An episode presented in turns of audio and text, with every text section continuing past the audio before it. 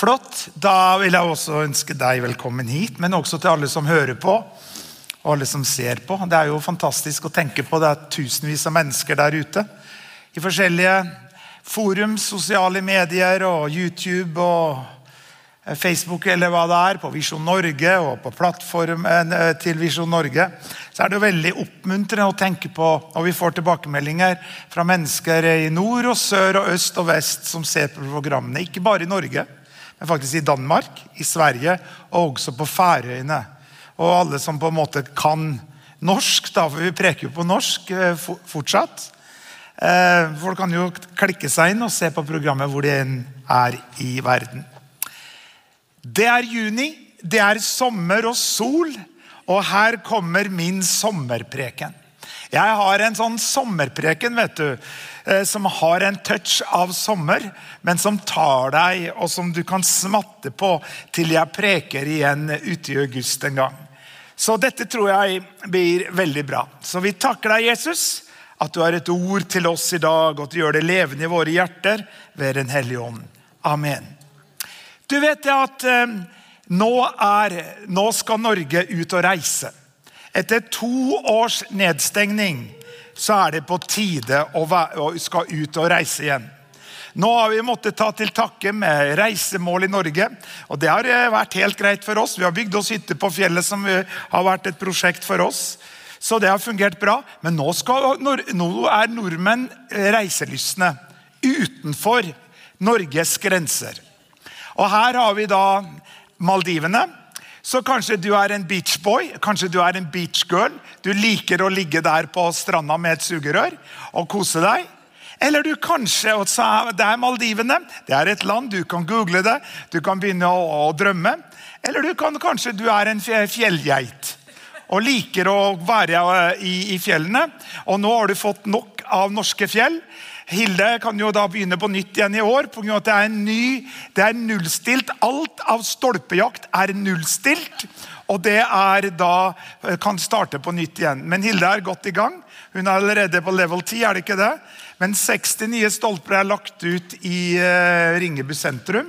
60 stolper på Venabyggsfjellet. Og når vi er ferdig med det, så skal Hille dra meg inn i Kvitfjell. Jeg er utslitt, og hunden er utslitt når Hille er ferdig med alle stolpene.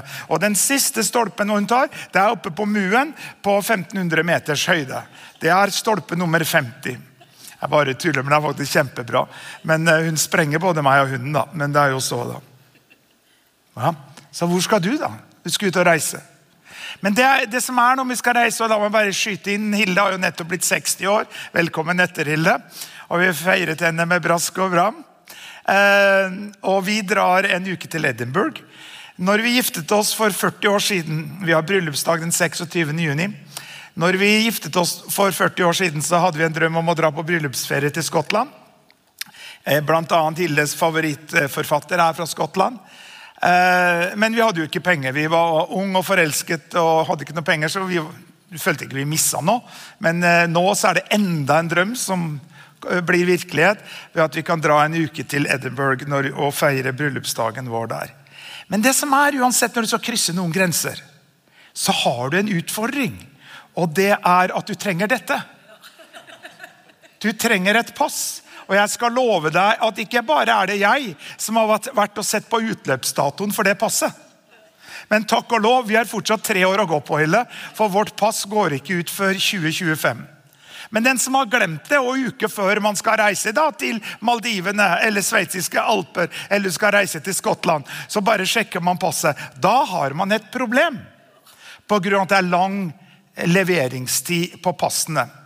Og så er det lett å tenke ja, men er det ikke bare å smekke opp noen pass. Nei, vet du, Jeg leste en artikkel at det norske passet er faktisk en av de sikreste dokumentene i verden. Det er nesten umulig å kopiere det. Jeg leste en artikkel på nettet. Det er så mye gadget som er lagt inn, og du kan bare se og speilbilder. og lagt inn. Det er til og med lagt inn en multe på en av sidene. Og så er det en uh, sølvtråd som går igjennom. Og da er det en spesialmaskin i, i verden som, som, kan gjøre det, så det er nesten umulig å klare å egentlig kopiere et norsk pass. Så poenget er Eh, hvis du har allerede bestilt og ikke sjekka passet, bare et godt tips fra meg. Sjekk utløpsdatoen for passet ditt. Og så bør man begynne å søke kanskje et års tid på forhånd før passet går ut. For om du skal reise til andre land for å komme inn i det landet, så trenger du et pass. Jeg vet ikke hvor mange som av dere har vært i Amerika. Og klart at Det er jo forskjellig når du krysser grenser. Det er lettere å dra på harryhandel til Strømstad enn å reise inn til Amerika, kan man si. Eh, og, og, klart at De som sitter der, det her er fra en amerikansk grensekontroll. Og de spør deg om alt mulig. De nesten spør deg hva svigermor heter, men det, det husker jeg. Men de spør deg hvor skal du? Har du returbillett? Hva er hensikten for din, ditt, din stay, for, din, for ditt besøk? Eh, har du, altså har du, sagt, har du returbillett? Eh, hva, hva, skal du gjøre? Kjenner du noen? Hvor skal du bo? Alt det må fylle ut hvor du skal bo. Når jeg har vært på konferanser i Amerika videre, måtte fylle ut hvor jeg skal bo. alt sammen. Og du blir krysseksaminert av denne grensekontrolløren før de slipper deg inn. Men du kommer jo ikke så langt engang hvis ikke du da kan legge på bordet et pass som er gyldig, og som er ditt navn. Du kan ikke ta svigermors pass og håpe at det er i dygen, for dere er jo i familie. Nei, Det må være et pass. Det var til og med babyer må ha pass, eller barn må ha pass. Var det, ikke? det var ikke vanskelig før, ja. Det skal jeg love. ja. Hadde du ti unger, så var det ti unger som sto i passet ditt. Det var greit, det dugde. Ikke noe problem. Ett pass per familie. ja. Men, men eh, den grensekontrolløren gjør det jo av interesse for sitt eget lands sikkerhet. Og Spesielt etter 9-11 så har, jo, har, man jo Titan til og, og, og gjort, eh, gjort, det så det er mye vanskeligere å komme inn i disse landene. Men nå under pandemien så har det jo blitt stengt ned av andre årsaker. Jeg har jo ikke vært i Sverige på to år. Og Det er jo pga. at det har vært så strengt, og så må du ha pass. Det var snakk om vaksinepass. Det kom vel aldri så langt at, du, at de begynte å sette det ut i system sånn massivt. Men det, liksom, det var jo ikke måte på. Av, og Da gikk du på dette med pandemien. Var du vaksinert? Men det går på dette med å beskytte grensene. Alle landene er interessert i å beskytte sine landegrenser. De er interessert i å beskytte hva som kommer inn i ens land. Derfor kan man jo ha en debatt om dette med Schengen-avtale, EU og på en måte et sånt storland osv. Hvor man bryter, bryter, ned et lands suverenitet. Jeg mener at ethvert land skal ha sin egen suverenitet. Den høyeste form av lovgivning i Norge skal være Norges lover, ikke noe som noen eh, byråkrater sitter og bestemmer nede i EU, som kjører over norske grunnloven. Det syns jeg er scary bare å tenke på. At noen som ikke kjenner Norge, skal sitte der nede i Brussel og bestemme lovgivninger som trumper norsk lov. Ja, anyway, men Nå skal ikke jeg gå den veien, men jeg kjenner jeg har noen som er med meg på det her. Men Stian, vi går ikke videre den veien her, her nå. Men jeg kjenner du, du, du, var med der, så det er veldig greit. Men, men det går på dette å beskytte sitt land. Hva vil vi ha inn i vårt land? Det må jo hvert eneste land få lov til å bestemme. Og så er jo da kriteriet Så denne grensekontrolløren han sitter jo ikke bare og, og synser og føler etter om han syns den og den personen skal komme inn. Og Hvis han da liker brunetter, så lar, lar han alle brunetter komme inn. og, og så videre. Eh, og, og snakke. Men nei, han har jo retningslinjer for hva som kreves, hva som skal til for å komme inn i landet. Men uten gyldig pass så trenger du ikke engang å prøve å reise utenfor Norges grense. Da blir det Norges tur. Og det er ikke å forakte. Her har vi jo eksempel, Når vi drar det til det ytterste Dette kan jeg tenke meg er Mexico-USA-muren. Veldig omstridt osv. Men poenget er at det er jo et stort problem med ulovlig immigrasjon i de forskjellige landene. Alle mennesker er elsket av Gud, alle asylsøkere som er på flukt osv. Vi skal hjelpe mennesker, og så kan man ta en politisk debatt. Hvordan kan vi hjelpe mennesker som ikke har det noe bra? Mennesker som kommer flyktende fra Syria, mennesker som kommer flyktende fra land i krigssonen, Ukraina, som er veldig aktuelt nå osv. Så, videre. så kan man diskutere politisk hvordan kan vi hjelpe dem best. Kan vi hjelpe dem best ved å sende nødsorganisasjoner og hjelpe dem der i nærheten hvor de bor osv. Men poenget er ethvert land trenger å ha kontroll hva som kommer inn i ens land. For med ulovlig immigrasjon med folk som smugler varer. Nå så jeg på nyhetene. Det var til og med laget en egen smuglerrute gjennom skogen nede i Halden. Haldenserne vet du, det er lure folk. vet du. Jeg jobber med noen haldensere. vet du. Jeg mobber dem hver gang jeg møter dem. så har meg unnskyld. Men det hadde de funnet. Det var noe sånn grønne bånd som var en sånn gjennom skogen fra Sverige over, eh, over eh, inn i skogen, inn i Halden. Så da kunne de gå inn i ryggsekk og smugle hva nå enn det måtte være. De prøver da å komme inn i landet med noe som ikke det landet ønsker, eller det er ulovlig å ta med inn i landet. Hva? Så da er jo spørsmålet hva slipper du inn i livet ditt? Vi alle har grenser. Hva slipper du inn i livet ditt? Du er din egen kontrollør som beskytter og bestemmer og kontrollerer dine egne grenser. Så dette skal du ta med deg inn nå i sommer. Når du driver og står der i passkontroll på Gardermoen, og når vi skal ut og reise, vi må vel legge inn et par ekstra timer, da. For du vet jo aldri hvor lang tid du, det tar. Men så kan du tenke så ikke du går sur der i passkontrollen. Så kan du tenke ja, det er jo underbemanna, for de har jo sagt opp nesten alt av sånne security-personell security over hele verden pga. pandemien. Men da skal du tenke at grunnen til at du står her og stamper i en kø, er for de som sitter der, gjør det i deres egen eget lands interesse, for de ønsker å beskytte og kunne kontrollere hva som kommer inn i deres land. Hva gjør du for å kontrollere hva som kommer inn i ditt liv? Du har grenser som du kontrollerer. Du er den som bestemmer hva som skal komme inn i livet ditt. Og her er det liksom, Dette er lagt i rødt. Du trenger ikke å slippe inn alle som banker på døra di. Denne kontrolløren som sitter her, han, han, sjekker passet, sjekker gyldighet, og så sjekker han den skjermen som er der i bakgrunnen. For de skanner jo koden som er i passet, så kommer det opp. Så har du et kriminelt rulleblad, så har du ikke sjans til å komme inn i landet. Da, da blir du sagt, dratt tilbake igjen. Så bare det at du har kommet opp til en grensekontrollør, betyr ikke at nødvendigvis alle som har kommet dit, får innreise. Og det er samme her at alle som banker på din dør, trenger ikke å slippe inn. Dette bibelverset er jo så fint. Johannes' åpenbaringsbok 3.20, der det står Det er Jesus som sier det. står i rødt, faktisk, hvis det har en sånn bibel hvor alt det Jesus sier, er i rødt. Så sier Jesus, se, jeg står for døren og banker. Om noen hører min røst og åpner døren, da vil jeg gå inn til ham og holde måltid med ham og han med meg. Hva? Og bare som et godt tips, det lønner seg å åpne den døra. Så, ja, Du kan alltid spørre har du pass. Ja, Jesus har gyldig pass. Hans, nå skal jeg ta en religiøs en. Hans blod er fortsatt levende og varmt og renser fortsatt fra all synd og all urettferdighet. Jesus er kongenes konge, herrenes herre. Han har ambassadørstatus. Han, han har ambassade, ambassadørstatuspass som gjør at han kommer inn overalt. Men allikevel så er det et gjensvar som da må skje etter denne bankingen. Etter at Jesus har banka på din hjertes dør. Så hvis ikke du åpner, så kommer han aldri lenger enn til grensekontrollen. Fordi at Jesus er en gentleman. Jesus, som er en tredje person i guddommen, Guds sønn. Gud Fader, Guds sønn, Gud den hellige ånd har gitt mennesket en egen fri vilje som de aldri noen gang kommer til å kjøre over.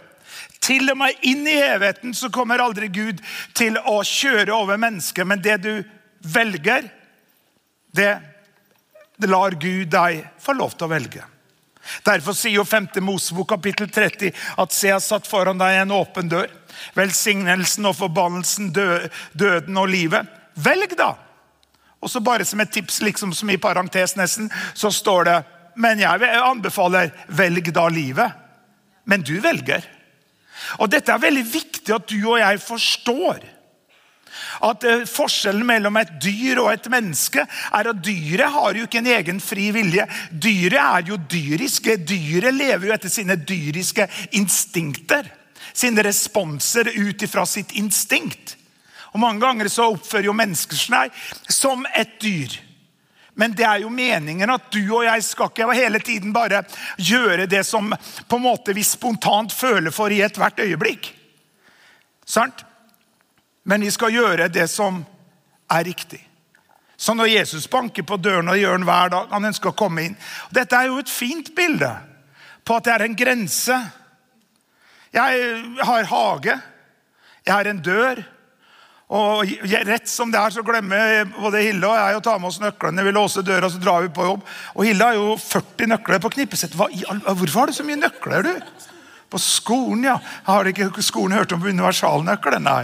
Nei, jeg har ikke så mange, ja, da. Men, men da så kommer jeg hjem på ettermiddagen, så står jo nøkkelen der. Takk og lov. Vi bor på en fredelig plett. Takk og lov.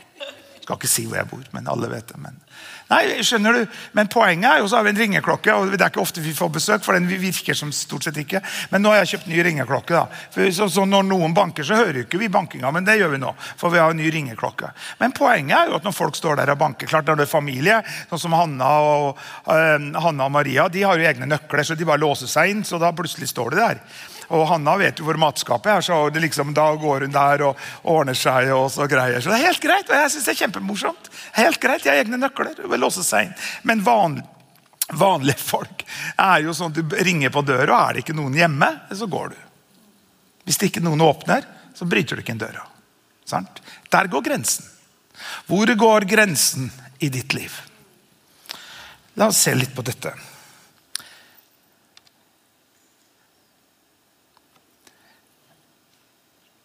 Skal vi se, jeg skal hoppe litt i mine notater. Ja, for det her passer bra. Se her. Når vi snakker om at jeg sier det at du trenger ikke å slippe inn alle som banker på døra di. Sant? Og Når Jesus banker på døra, sant, det er at han ønsker å komme inn i hjertet. Hvordan, hvordan hører vi denne bankingen? Jo, Det er en sånn ting for at et menneske som ikke er en kristen da, Kanskje du som hører på eller ser på, eller du er her i dag, du, du, ikke, du, kjenner ikke Jesus. Så kjenner du bare liksom, du skjønner ikke alt og fortsatt masse spørsmål. Det er helt greit. Man slutter ikke å tenke fordi man tror på Gud. Nei, som noen ja, Vi tar ikke den runden. Men poenget er jo det at du kan kjenne i ditt hjerte at det er noe som drar på deg. fra i leten etter et bedre ord. Men du kjenner noe av dette. Mm, dette kan være noe. Og Det er denne bankingen, denne fornemmelsen at dette kan være noe. Og selv i hodet så har du fortsatt spørsmål. Og, og så, men, ja, men at, og, og det er så mye ondskap i verden. Hvordan, så, så, men her, ja. Mm.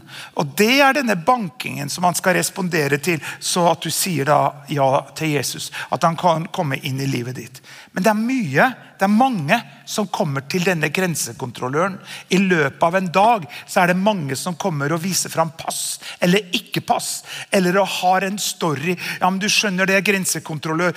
Og så drar de den og den storyen for å appellere til fø, liksom følelsesregisteret til kontrolløren. Ja, men ja, bestemora mi, jeg skal, skal, feire henne. Hun bor i Iowa og, og hun er 140 år gammel og er, hun er vel, eldst i verden. Og nei, jeg har ikke noe penger, for du skjønner at når på forrige flyplassen så ble jeg robba når jeg var på toalettet. Og, og, så drar de den og den og den storyen. Eh, uansett, hvis han denne gjør jobben sin, så spiller det ingen rolle hvilken story de drar opp.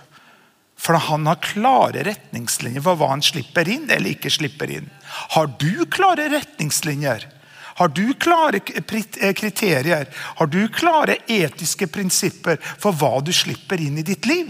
Hva avgjør hva som kommer inn i ditt liv, kjære venner? For som sagt, du trenger ikke å slippe inn alle som banker på døra di. Og én ting som banker på døra til oss alle sammen hele tida, det er våre følelser. Og da må jeg si det at du må ikke gjøre det du føler. Vet du det? Oh, why didn't you say so? Du trenger ikke å gjøre det du føler. Du er ikke det du føler. Du velger hva du gjør i en enhver situasjon i livet. Alle sammen sier 'jeg velger'. Du velger hva du skal gjøre i enhver situasjon. Og oss som er litt mer emotional enn normalt ja. Eh, jeg er ganske emotional type. da, så liksom Jeg gråter mest av alt på, på, graduation til Maria. Og jeg gråter mer enn Maria. Maria er god nummer to, er hun ikke det? eller? Men Maria gråter over sånne dyreprogrammer. Ja, men det, det, der er ikke jeg helt, da. Men jeg er ganske emotional og, og, og blir veldig fort rørt. og, og sånn da. Eh, jeg vet ikke om det har med alderdom å gjøre, men vi satser på at det har, at det har med mjukhet i hjertet. da. Ja, ok. Men poenget er jo at vi føler jo mye rart, gjør vi ikke det? I løpet av en dag.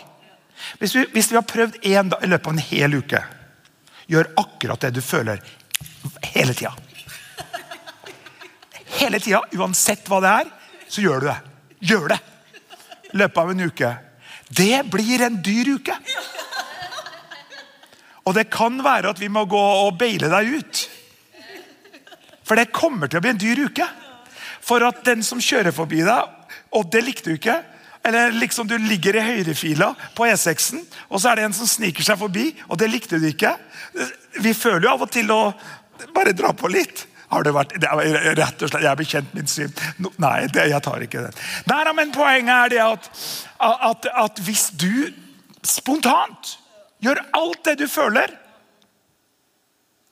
en hel uke og så etter en uke så kan du skrive bok. Eller et eller annet. Skriv ned. Eller dra litt lengre. Bare gjør det du føler hele tida en måned. Da blir det Nå koster det 7400 kroner å, å, å, snakke i mobil eller holde på med mobilen. Har du blitt tatt der, eller? Har du det? Ja, men det er tre prikker nå. Ja, hvis du blir tatt, Det var en innslag på nyhetene i går. Hvis du blir tatt med mobil, Det er lov hvis du har den i en holder. Hvis du har mobilen i en holder, så er det lov å taste et telefonnummer mens du kjører bil. Men også er det da trådløst. Men det er ikke lov å holde den her rett et eller annet da. Men du har ikke lov til å drive og svare på Instagram og se YouTube-videoer mens du kjører bil. da, sier han. Det, det, det, skjønner vi også alle sammen. Men 7400 kroner og tre plikker er kjempebra. Du ser jo det når du kjører forbi folk som sitter med mobilen. De er jo ikke der. Det, det er livsfarlig. Anyway. Men poenget er, vi gjør jo ikke det. Men hva avgjør hva vi gjør eller ikke gjør? Hva er det som avgjør hvilke følelser som kommer, som vi responderer til å gjøre noe med? Eller, altså for å si det sånn, Hva er det som avgjør hvilke følelser vi slipper inn? Og hvilke følelser er det som vi på en måte lar være utenfor? Og Det går jo på dette. Hva slipper du inn i livet ditt? Hvilke følelser slipper du inn i livet ditt, og hvilke følelser er det at du bare står imot? Eller bare vurdere. Se på dem. Hvis jeg har en ball her, en fotball eller et eller annet sant? Og så på en måte, klart at Nå har vi, har, har vi en kroppsøvingslærer her på første benk. Så hvis jeg hadde kastet ballen til deg, så ville du uten å tenke tatt imot den. Ja, Normalt. I hvert fall en kroppsøvingslærer ville tatt imot ballen. Så hvis jeg kaster den til deg, så skulle jeg hatt en ball her. Hvis jeg kaster en ball til deg, så ville du tatt imot den. Ja, Du gjør det bare av refleks. Men hør her. Du må jo ikke det. Om noen kaster noe imot deg Jeg snakker da i overført betydning. Noen kaster en følelse mot deg. Eh, du må jo ikke ta den imot. Hvem sier det?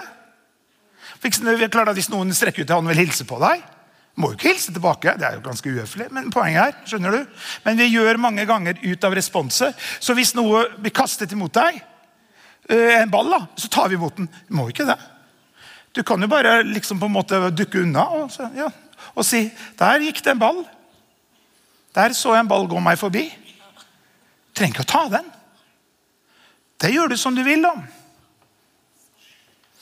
Og Da skal jeg vise deg et veldig bra bibelvers her. Er du med? Her er vi. Den er bra. Efeserne 6, 16 sier Ta framfor all troens skjold. Med det er dere i stand til å slokke alle de brennende pilene fra den onde. Hva er dette? Jo, dette er grensekontroll.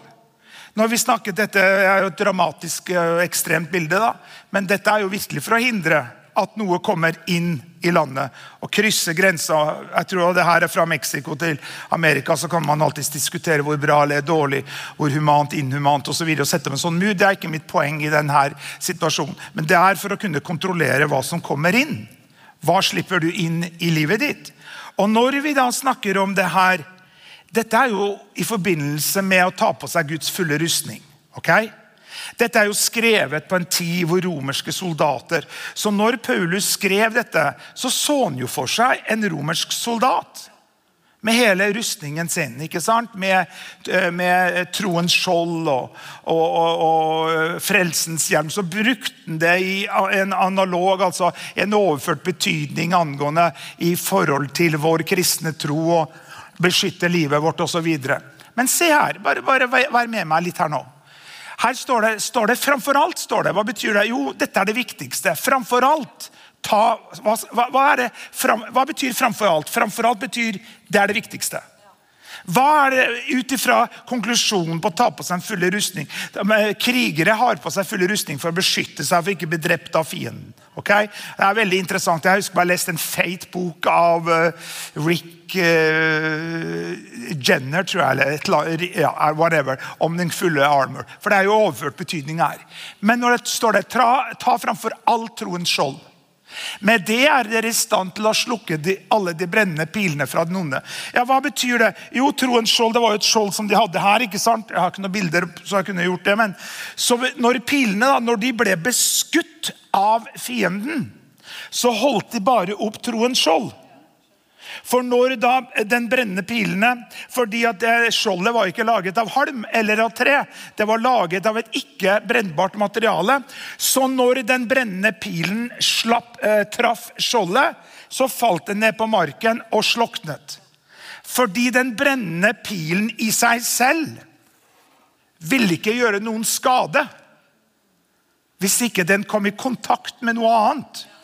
Skal jeg bruke et eksempel her? Jeg klarte faktisk I denne ikke-røkende kirken så klarte jeg å få fram fyrstikk, en fyrstikkeske.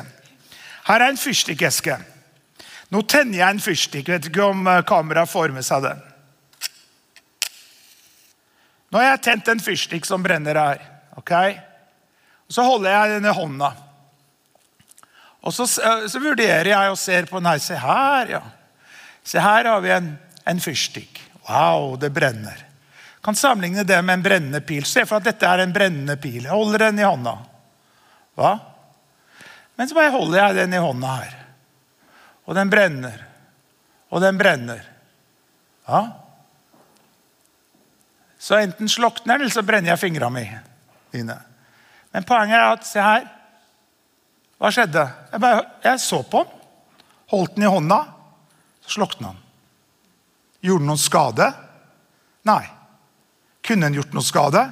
Ja, denne fyrstikka kunne brent ned hele bygget her. Hvis den hadde kommet i kontakt med noe. Skjønner du? En følelse i seg selv er ikke skadelig. En følelse i seg selv vil ikke ødelegge ditt liv. Den må komme i kontakt med noe for å kunne gjøre skade. På samme måte Hvis dette var på en måte eksempelet på en brennende pil da, Så hvis at man holdt da denne brennende pilen La oss si at den, det ble skutt en brennende pil mot den. Så holdt den opp troens skjold.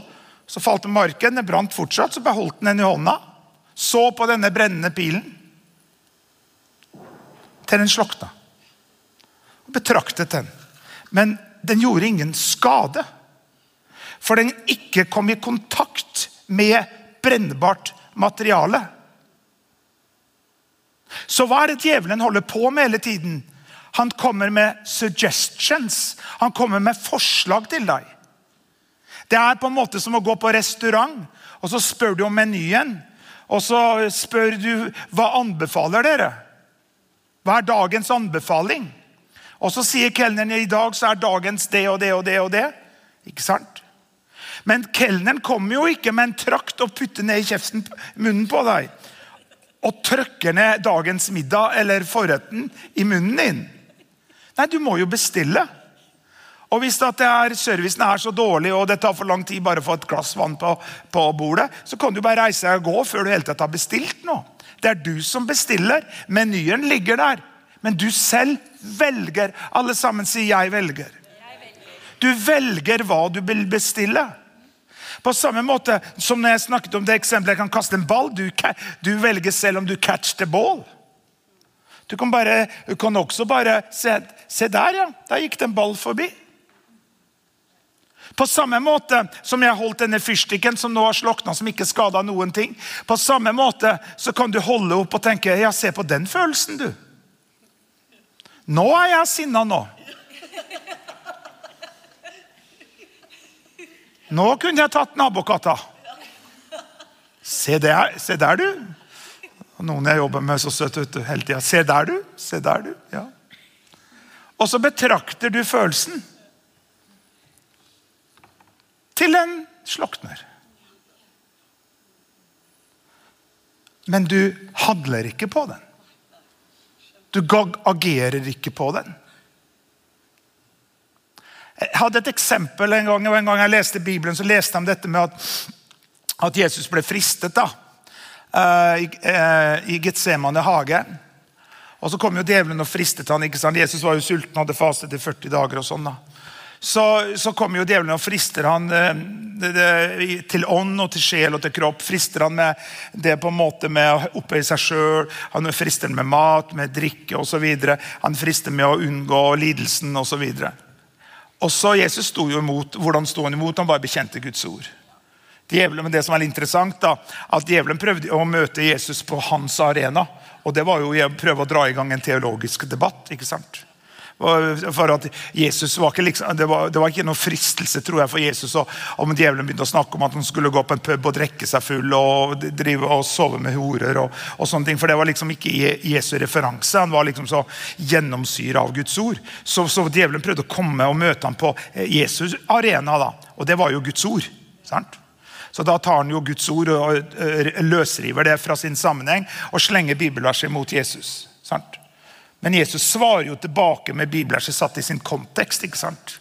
Om at uh, mennesket lever ikke av brød alene osv. Og, og du skal ikke friste Herren din Gud osv. Så, videre. så Jesus bare på en måte så på, uh, på en måte fristelsen. Han så på den, og så svarte han tilbake med Guds ord. Og når da Djevelen hadde fristet han på alle arenaer, det blir på en måte sammenlignet som at en innbruddstyv prøver å bryte seg inn i et hus, er hoveddøra stengt. Han gir seg ikke så lett. Sånn, sånn måtte vi jo tenke i Afrika hele tida. Så prøver han seg på bakdøra, og vinduet og skorstein eller hva det er, for å se er det noen mulighet til å komme seg inn i huset. På samme måte er det jo det er djevelen vår fiende, da, som kommer for å prøve å ødelegge oss. Eh, men når da djevelen hadde fristet Jesus på alle disse planene uten å komme noen vei, så står det på en oversettelse at 'that ended the uh, temptation'. Og så står det egentlig oversatt til norsk at dette endte eh, endte fristelsen, testen. Og så står det at, at djevelen dro seg tilbake. Dro seg tilbake, 'waiting for another opportune time', står det. At djevelen dro seg tilbake og ventet på en annen anledning. Og da så jeg var mens jeg mediterte på det her bibelversene mange år tilbake, så så jeg det, er bare, men det betydde mye for meg. Da, det måten jeg så det på. Da, da så jeg at djevelen var ikledd altså, med en sånn eh, militæruniform. Sånn verneuniform. ikke sant? Og så var det masse grønn skog og masse kratt og sånn rundt. Så så jeg hvordan djevelen da på en måte bare trakk seg tilbake og sto i skogholtet og bare betraktet Jesus dag ut og dag inn for å se om det var en endring i hans atferd som kunne åpne for at han kunne komme tilbake for å friste på nytt igjen. Men den kom jo aldri. For Jesus var jo helt støpt ved. Han hadde jo en kristen karakter. Han syndet jo aldri. Du og jeg, vi misser det. og When we fall, we shall arise. Når vi misser det, så ber vi Gud om å tilgi oss. Så står vi opp igjen og prøver på nytt igjen. Men det kom aldri. Altså, Han kom aldri forbi grensekontrollen i Jesu liv. Han kunne komme opp til grensekontrolløren, vise fram passet, komme med forslaget, men ble avvist og sendt tilbake hvor de kom fra. Du har ikke adgang her. Du, du innfører ikke kriteriene for å være en ønsket borger. Og spesielt som du spør kjenner du noen i landet. Og Her kan jeg dra en preken. vet du. For Når du spør djevelen, for når, de, når djevelen blir spurt kjenner du noen, så vil han svare det allerede etablerte tankemønsteret som du har begynt å male på. F.eks. at en person som blir deprimert, og så maler ingen er glad i meg. Så kommer forkastelsen inn, og så videre og så videre. Og så maler man på, og så plutselig står da selvmordstanker der på grensekontrollen og ønsker å komme inn. Og når grense, Forstå meg det analogien jeg bruker her da. Så spør grensekontrolløren kjenner du noen i landet. Så kan da selvmordstankene si ja, jeg kjenner depresjon. De er i familie med oss. Jeg kjenner eh, forkastelsen. De er i familie med oss. Jeg kjenner misfornøydheten. Skjønner du hva jeg mener? Og så, så, så baller det på. Så når vi snakker da om at djevelen som ønsker å leve med vår fiende, da, ønsker å ødelegge vårt liv, så er det brennende piler. Brennende piler. Hva betyr det? De kan gjøre stor skade. Og La meg et bibelvers til i forbindelse med dette. Jakob 4,7, der det står at 'underordne dere derfor under Gud'. Stå djevelen imot, og han vil flykte fra dere. Stå djevelen imot, og han skal flykte fra dere. Hva er det for noe? Det er grensekontroll. Ja, men Snakk om djevelen. Det var en artikkel her og om, du skulle ikke, eh, det var En lærer snakket om å ville ikke snakke om djevelen til eh, barn og i barneskolen. Nei, det, det, er full forståelse. Det er ikke det du begynner å prate med barn om. Forstå meg rett. Eh, så, så det, det, er veldig bra. Du snakker om Jesus og engler og, osv. Men når vi snakker om mørkets makt Det er liksom ikke noe hverdagskost du driver og snakker med vår fiende. liksom, Jeg står deg mot, liksom. Og, og liksom i Afrika var det veldig de var veldig greie. liksom, jeg, og Fysisk bevegelse. Liksom, når de skulle stå djevelen imot. De visste både til med fysisk anstrengelse, nesten som en boksematch. nå. I Jesu navn, jeg står deg mot Satan, vi gikk fram osv. Ja, hva er det egentlig vi står imot? Når vi leser her da, det bibelverset her, stå djevelen imot. Hva, hva er det vi skal stå imot? Hvor er han? Hvor er han? Husker på da jeg vokste opp. da, og Noen trodde bare djevelen er bare i Afrika.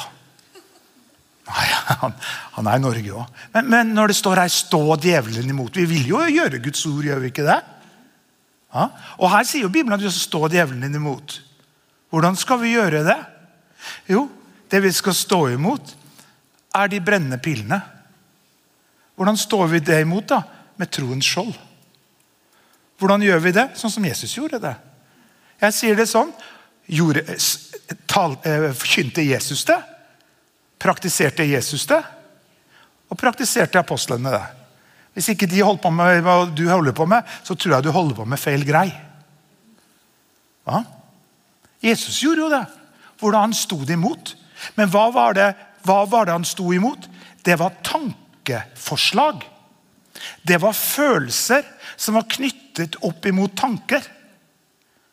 Som han måtte gripe tak i. Til en grad at han svettet blodstråper i Getsemane hage pga. at han var så angrepet av tankekjør som plantet seg i hans følelser, at han var i menneskelig sett livredd for å dø på et kors. For det var det mest smertefulle døden kjent på den tiden. Men pga. at han svettet blodstråper, du snakker om å ha en tøff tid. Så Likevel så var Jesus uten synd. For han holdt opp bare fyrstikken. Så på den.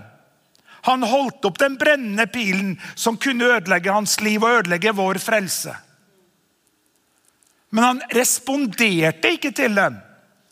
Han lot den bare bli stående der og betraktet den til den mistet noe av sitt sting til de ikke føltes så dramatisk lenger. Som avdøde misjonsleder Henrik Kransberg sa. Han døde altfor tidlig. Han sa det var ting, så sa han 'jeg skal sove på det'. sa han. Jeg sover på det. Gjør aldri noe bare av frykt. Gjør aldri, det, Guds ord sier den som, den som, øh, øh, den som tror, haster ikke, står det. Hvis du føler deg presset til å gjøre noe, og du kjenner at hvis det du gjør nå, gjør du ut ifra panikk Panikk har sin rot i frykt. Når du og jeg har panikk, så er det at vi er redd for noe. og redsel, frykt, panikk har det motsatte, er det motsatte av tro. Så ta, ta en time-out. Sånn som de gjør i håndballen. Time-out. Møtes i morgen, liksom. La oss sove på det.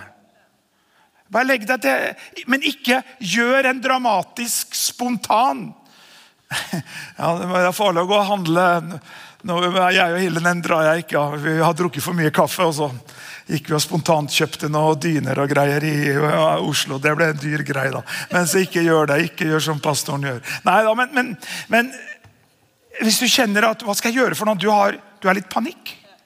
Du er redd. Ta en timeout.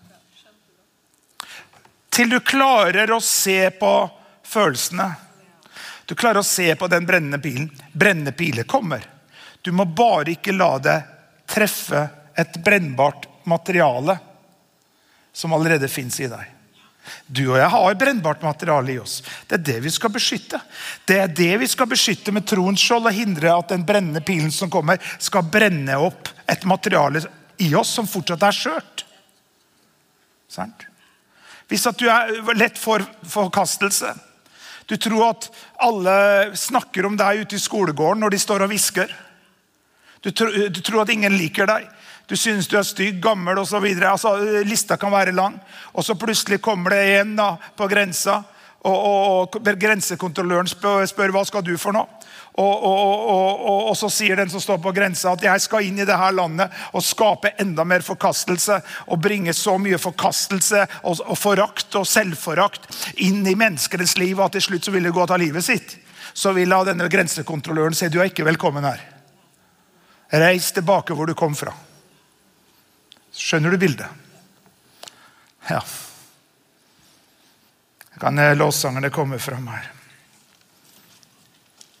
Jeg har ikke kommet igjennom, men det her er helt greit. Andre Korinterbrev 10.3-5 sier at for selv om vi ferdes som mennesker, så fører vi ikke kamp på verdslige vis. For våre stridsvåpen er ikke kjødelige, men i Gud er de mektige til å rive ned festningsverk. Med disse kan vi rive ned tankebygninger og enhver høyde som reiser seg mot kunnskapen om Gud, og ta hver tanke til fange under lydigheten mot Kristus. Hva er det for noe? Grensekontroll. Vi, vi, vi stopper det. Vi slipper det ikke inn. Hva slipper du inn i livet ditt? Og ut ifra dette med 2. Korinterbrev 10.3-5 Det starter med en tanke, som det står i vers 5. Det vokser til en tankebygning, eller som det står på engelsk, en imagination. Og blir til slutt et festningsverk, eller som det står på engelsk, et stronghold. Så denne brennende pilen kan være en tanke. Men vi lar vi det komme inn og begynne å, sette fyr på andre destruktive tankemønster som du og jeg har etablert i vårt liv, så vil den på en måte være i stand til å skape en fire, en ødeleggende ild, som vil prøve å ødelegge livet ditt. Og dette er viktig, for ordspråksboken 23,7 sier at for slik som han tenker i sin sjel, slik er han. Flyktige tanker kommer og går. Men hva er det du og jeg går og tenker på? Jeg er 60 år. Jeg sa til Hilde i går. Jeg skulle gjerne ønsket å vært 40 i biologisk alder. Men jeg er veldig glad for den erfaring og den lykke og tilfredshet vi har som 60-åringer. Men jeg skulle gjerne vært 40 bare biologisk, da. Men man har jo lært seg bedre å kjenne. Jeg har lært hvilken type tanker som banker på døra til meg hvis jeg er sliten og har sovet lite osv. Og, så og da på en måte har man blitt flinkere, folkens.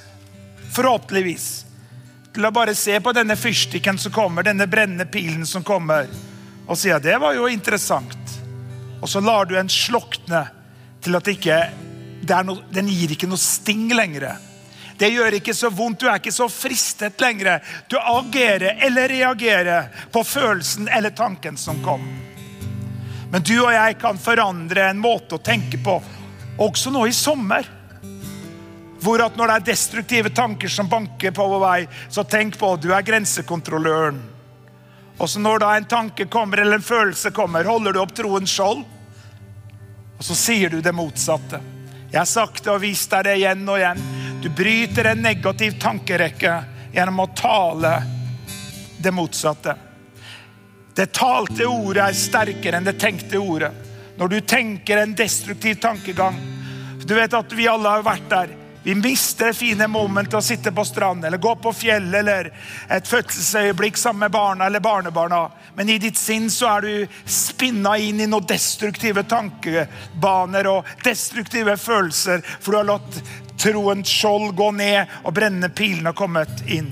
Så kan du stoppe det ved å praktisere det igjen og igjen og igjen. Kanskje første gangen du gjør det, så føler du det ikke virker. Men du gjør det igjen og igjen og igjen. Hva skal jeg gjøre da, Erik? Jo, f.eks. når det kommer tanker at ingen er glad i deg. Det er et enkelt eksempel. Men det er jo forbausende